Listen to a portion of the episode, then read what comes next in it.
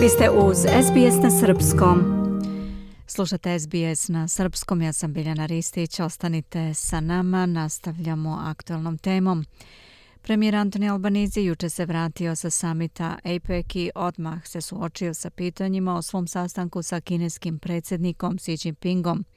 A apropo incidenta u međunarodnim vodama u japanskoj ekskluzivnoj ekonomskoj zoni, kada je kineska ratna mornarica nanela lakše povrede australijskim roniocima na vojnom brodu, koji su pokušavali da skinu ribarske mreže sa propelera broda.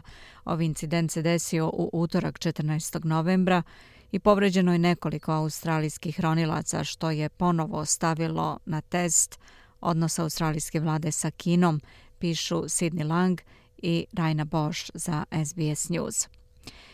Čim se vratio sa diplomatskog puta iz Kalifornije, gde je američki predsjednik bio domaćin samita APEC, premijer je upitan da li je raspravljao o incidentu na sastanku sa kineskim predsjednikom Xi Jinpingom, kojeg je premijer Albanizi inače opisao kao veoma uspešan. Kako je navedeno u saopštenju objavljenom na sajtu Ministarstva odbrane, australijski ratni brod Tuvumba u utorak se zaustavi u međunarodnim vodama u japanskoj ekskluzivnoj ekonomskoj zoni nakon što mu se oko propelera obmotala ribarska mreža.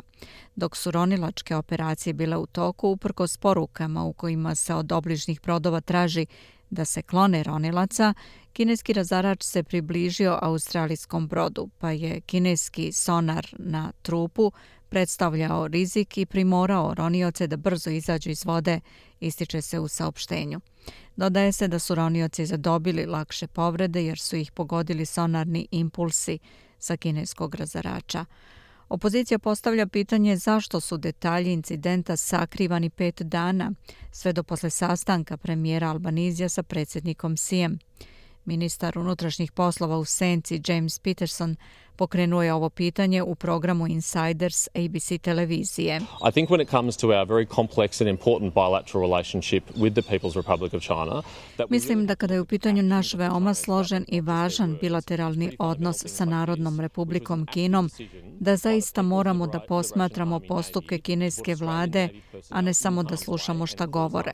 Radi se o prilično fundamentalnim stvarima poput ove što je bila aktivna odluka Mornarice Narodno-oslobodne oslobodilačke vojske Kine da se osoblje australijske mornarice dovede u opasnost i nanesu im se povrede, po čemu bi zaista trebalo da sudimo o kineskoj vladi, kaže on.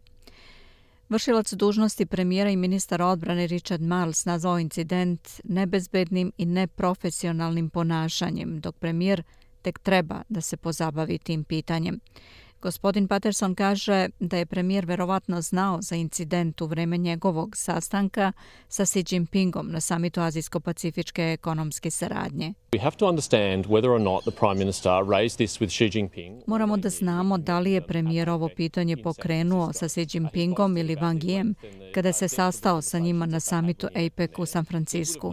On se hvalio dubinom razgovora sa njima tamo. Sigurno je znao i pre nego što je napustio Australiju da se ovaj incident dogodio, kaže Peterson.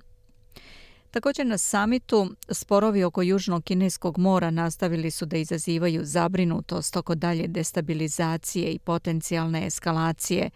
Indonezijski ministar odbrane Pravobo Subianto kaže da region treba da teži tome da izbegne ofanzivna takmičenja. The South China Sea, the Korean Peninsula, Južno-Kinesko more, Korejsko poluostrvo, pitanje Mjanmara ostaju žarišta koja mogu destabilizovati region.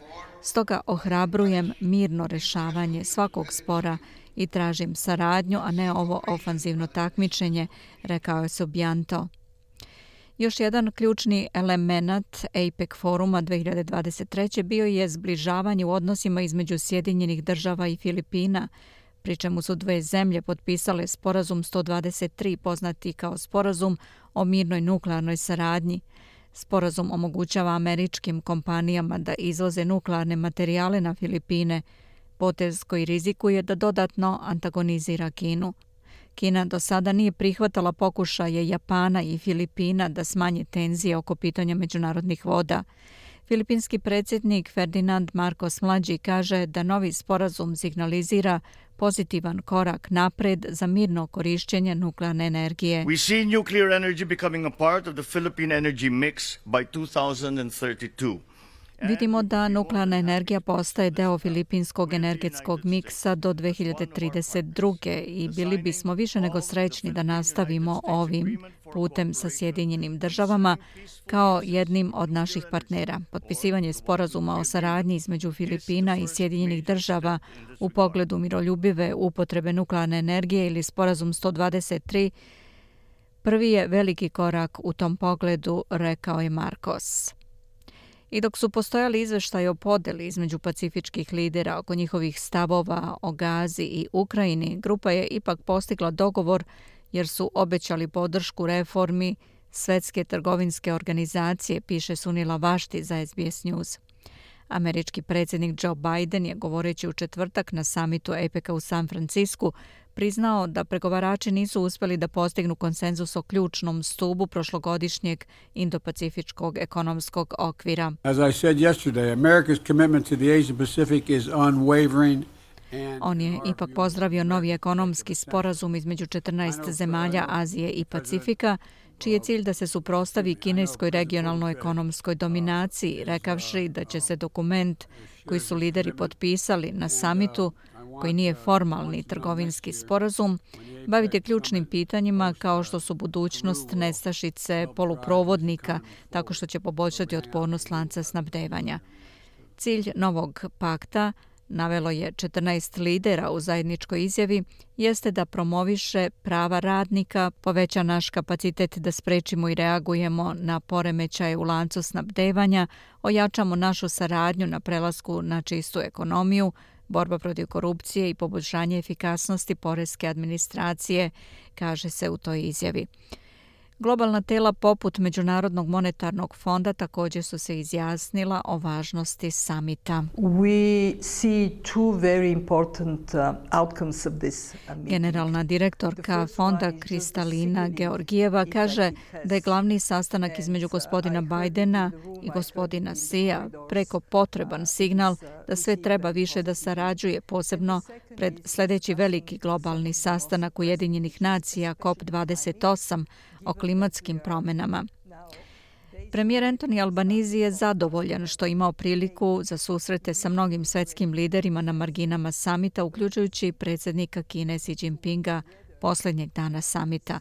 Albanizi kaže da postoji razlog za optimizam jer Kina preduzima ubrzanu reviziju svojih tarifa na australijsko vino nakon njegovog puta u Peking. He regards uh, my visit there as being very successful. Uh, On smatra da je moja poseta tamo bila veoma uspešna. Ponovili smo zadovoljstvo stabilizacijom koja se dešava i naravno naša trgovina je tu važna. Uklanjanje bilo koje od preostalih trgovinskih prepreka je u interesu Australije, kaže Albanizi. Albanizi je pažljivo birao reči na diplomatskom frontu, rekavši da su Sjedinjene države i Kina rešile svoje razlike na marginama APEC-a nakon što je Biden označio kineskog lidera kao diktatora u odgovoru na pitanja medija.